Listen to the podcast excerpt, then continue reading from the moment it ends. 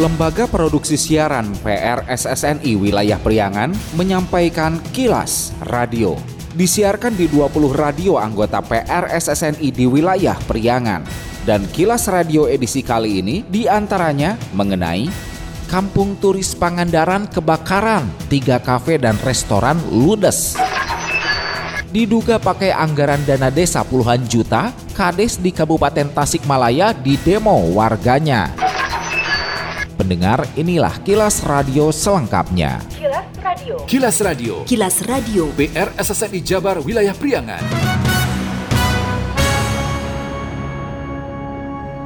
Kebakaran terjadi di Kampung Turis Pangandaran Kamis 31 Agustus pagi. Tiga kafe dan restoran di antaranya Resto City Mungil, Hello Beach, dan Cafe Morgan ludes dilalap si jago merah. Kapolres Pangandaran AKBP Imara Utama mengatakan pihaknya mendapat laporan jelang jam 9 pagi. Menurut Imara, pihaknya masih menyelidiki penyebab kebakaran. Tiga unit yang terbakar itu City Mungil, Hello Beach, dan Morgan. Untuk penyebabnya masih kami telusuri apakah dari konsultan listrik atau dari dapur dan sebagainya kami belum bisa memberikan info karena masih dalam rangka proses penyelidikan. Kerugian masih dihitung, yang jelas tidak ada korban jiwa, alhamdulillah sini dan Kepala Damkar Kusnaya mengatakan api di lokasi dapat dipadamkan satu jam berikutnya setelah dua unit damkar Pangandaran diterjunkan. Pemadam dibantu TNI Polri, PMI, BPBD, dan LH. kita kuasai satu jam kemudian. Setelah itu kita madakan lokalisasi kecil, kita sekarang proses pendinginan. Pemadaman ada hambatan nggak? Hambatannya unitnya memang kurang memadai, ya kurang memadai. Kendati tak ada korban jiwa dalam kebakaran, Bupati Pangandaran JJ Wiradinata mengingatkan untuk menjadi pembelajaran dalam pemasangan instalasi listrik dengan baik. JJ ungkapkan keprihatinan terhadap tiga pemilik kafe resto. Menurutnya, mereka pelaku usaha yang memberikan kontribusi besar bagi pemerintah daerah dalam bentuk pajak. Karenanya, peristiwa itu harus disikapi dengan lapang dada dan sebagai introspeksi diri sendiri ke depannya.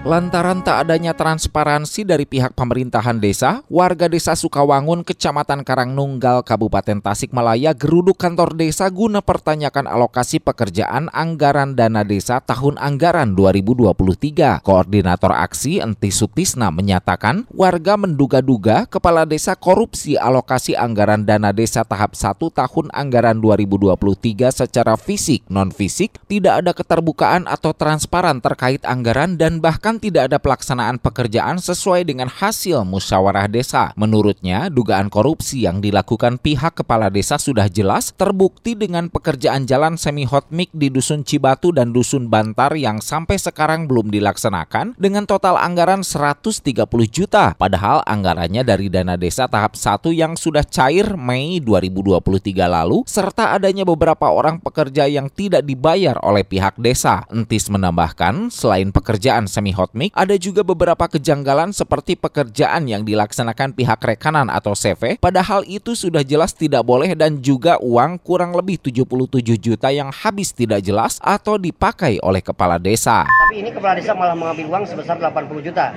Nah tadi setelah dipertanyakan kepada kepala desa, menurut tadi ada bukti pengiriman kepada yang namanya atas nama Pak Haji Komar atau sebagai pemborong itu udah masuk sekitar 18 juta 500. Nah, namun sisanya dipertanyakan yang 62 juta itu tidak ada. Kata pengakuan Pak Haji, kata pengakuan itu Pak Kepala Desa. Nah, mungkin masyarakat menduga bahwa itu uang telah digelapkan oleh Kepala Desa. Mungkin itu karena tadi diminta pembuktiannya tidak menjelaskan uang yang 62 juta itu. Nah, mungkin indikasi masyarakat ataupun yang pihak-pihak terkait yang hadir di sini, mungkin yang 60 juta itu bila dikatakan itu digelapkan oleh kepala desa, tidak dibangunkan untuk pembangunan fisik yang ada di desa Sukawangun seperti itu. Kami minta pertanggungjawaban, harus uang harus ada kembali lagi ke rekening desa. Apabila tidak bisa mengembalikan maka akan berlanjut ke ranah hukum. Penggelapan atau menyalahgunakan anggaran dana desa tahun 2023 di tahap 1 untuk fisik pembangunan jalan tersebut. Kepala Desa Sukawangun Iman Carliman usai aksi warga mengaku akan bertanggung jawab dan berusaha akan menyelesaikan segala permasalahan terkait penggunaan anggaran serta realisasi pekerjaan dengan waktu yang telah disepakati yang dituangkan dalam surat pernyataan. Kalau yang warga masyarakat kan mungkin itu mungkin ada haknya kan mungkin ya untuk kritik saran mungkin yang penasaran gitu kan kalau saya selaku kepala desa tidak jadi permasalahan. Jadi mudah-mudahan semua juga ada hikmahnya gitu itu aja bertanggung jawab ya Pak ya? Insya Allah. Bahkan itu kan bahan sudah mengerucut gitu, gitu. Tinggal itu. Camat Karangnunggal Agus Sutisna yang hadir bersama Dan Ramil dan Polsek menyarankan agar kesepakatan yang telah dibuat dan di dalamnya tertuang poin-poin kesanggupan dari kepala desa bisa diselesaikan dengan baik serta tepat waktu. Kilas Radio. Kilas Radio. PR SSNI Jabar Wilayah Priangan. Diharapkan jangan membakar sampah sembarangan. Nah, ini telah terjadi kebakaran lahan ya. Membuang puntung rokok di area-area yang mudah terpicu untuk terjadi kebakaran. Mari cegah kebakaran, utamanya saat musim kemarau. Hindari membakar sampah di lahan kering, apalagi dekat kawasan hunian atau rumah. Jangan buang puntung rokok yang menyala di sembarang tempat. Matikan puntung rokok dan buang pada tempatnya. Cabut instalasi listrik yang tidak terpakai dan matikan kompor saat rumah tak berpenghuni.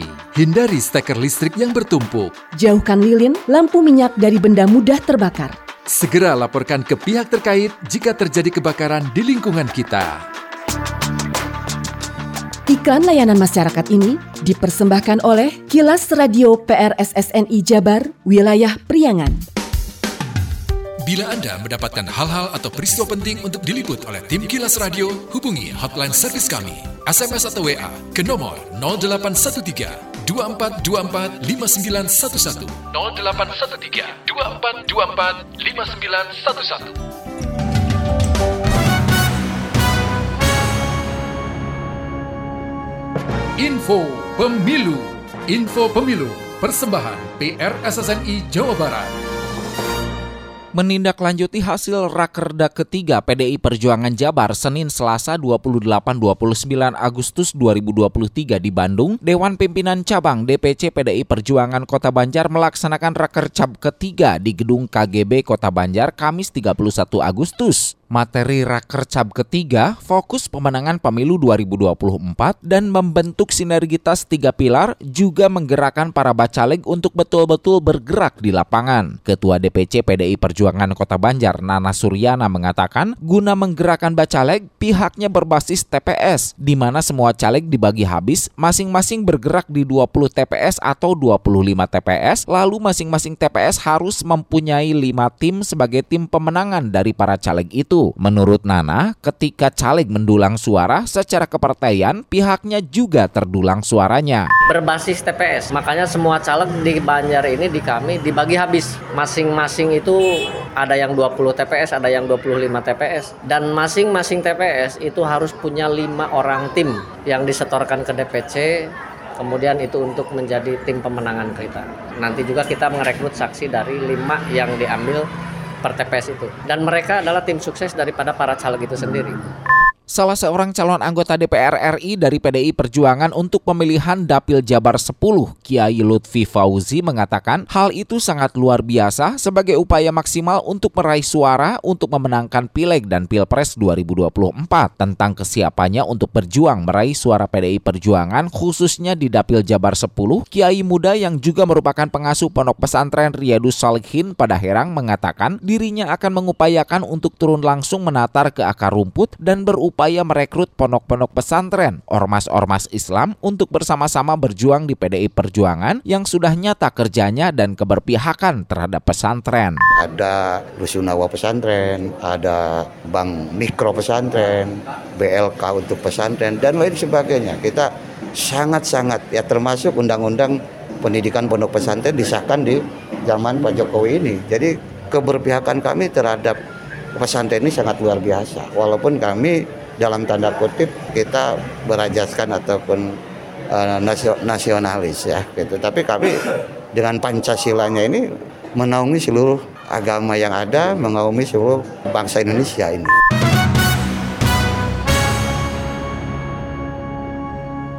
Dampak El Nino, stabilitas harga pangan terganggu, pasalnya produksi pertanian menjadi menurun. El Nino merupakan fenomena alam yang memiliki dampak signifikan terhadap sektor pertanian, yakni kekeringan, gangguan musim tanam, penurunan kualitas tanaman, juga ketidakstabilan pasar. Guna menekan dampak El Nino dan memperkuat sinergi dan inovasi untuk stabilitas harga menuju ketahanan pangan nasional, tim pengendali inflasi daerah TPID Sepriangan Timur menyelenggarakan High Level Meeting HLM sekaligus menyaksikan menyaksikan secara bersama arahan Presiden Republik Indonesia dalam rapat koordinasi nasional Rakornas TPID 2023 di Ballroom Hotel Vev Tasikmalaya Kamis 31 Agustus. Kepala BI Tasikmalaya Aswin Kosotali mengatakan pelaksanaan kegiatan HLM TPID Sepriangan Timur yang disinergikan dengan Rakornas TPID 2023 sebagai upaya untuk menjaga agar harga-harga tetap stabil sehingga pencapaian inflasi sesuai dengan target. Meskipun saat ini sedang dihadapkan pada berbagai resiko inflasi dan tantangan terkait ketahanan pangan, menurut Aswin, faktor struktural masih menjadi penyebab utama peningkatan harga, resiko seasonal yang belum dapat dimitigasi secara penuh dan program pengendalian inflasi perlu dioptimalisasi agar dapat menyasar pengendalian jangka panjang. Masih menurut Aswin, saat ini juga dihadapkan dengan tantangan pengendalian inflasi, yakni anomali cuaca El Nino atau kekeringan, meskipun beresiko mengurangi produksi panen pangan sebesar 5% dari dari total produksi berdasarkan data cadangan beras pemerintah posisi Juli 2023 stok mencukupi hingga akhir tahun.